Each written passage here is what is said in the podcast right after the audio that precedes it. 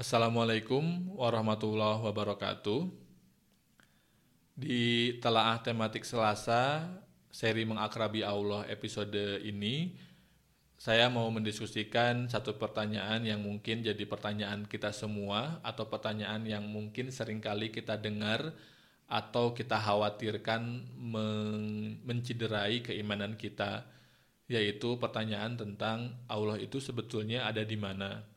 Dan saya mau mencoba menawarkan jawaban atas pertanyaan ini dengan bercerita bagaimana dulu saya sewaktu kecil biasa main Power Ranger Power Rangeran. Jadi ada boneka-boneka kecil Power Ranger yang kemudian eh, kak saya dan teman-teman saya bikinkan cerita, saya kasih nama, kasih karakter, kemudian mereka akan memperjalani cerita yang kami bikin. Dan ketika main itu, saya kemudian uh, menyadari bahwa betapa semesta yang melingkupi si Power Ranger ini, mainan kami, bahwa ruang dan waktu yang mengikat si Power Ranger ini itu berbeda dengan ruang waktu yang mengikat uh, saya dan teman-teman saya. Dari situ kemudian saya berpikir bahwa jangan-jangan memang pertanyaan Allah ada di mana itu juga jadi tidak relevan karena ruang waktu yang mengikat kita itu tentu saja berbeda dengan uh, dan bahkan berada di bawah skrup kecil kekuasaannya Allah. Sama seperti ruang waktunya Power Ranger mainan saya berada di dalam kekuasaan uh, saya gitu.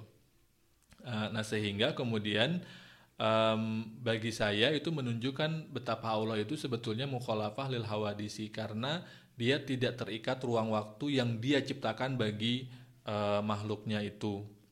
Nah, lalu kemudian uh, Allah ada di mana?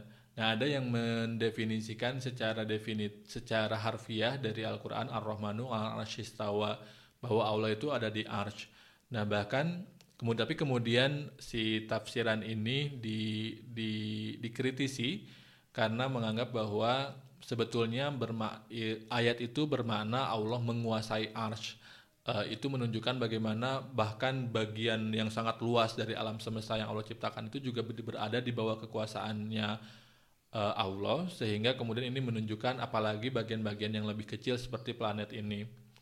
Tapi bagi saya uh, jikapun memang Allah al-ashistawa itu bagi saya juga tidak jadi persoalan. Kenapa? Karena bisa jadi ruang waktu kita itu berbeda dengan ruang waktunya arsh itu yang itu yang um, uh, itu yang kemudian membuat saya uh, sadar bahwa memang pada akhirnya tetap walaupun misalkan katakanlah yang betul adalah yang definitif tadi tetap Allah mukhalafah lil hawadisi.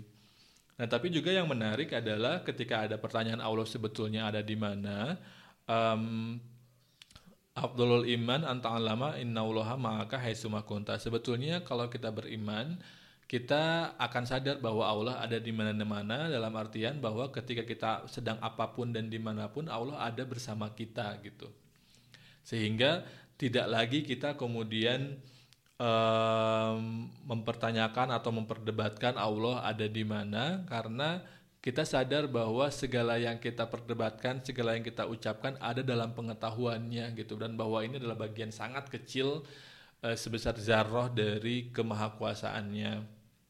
Allah. Bahkan dalam Al-Quran itu disebutkan bahwa kadang kalau misalkan keimanan kita sudah mencapai taraf yang baik, taraf yang bagus, kita akan sadar bahwa setiap ke mana pun arah wajah kita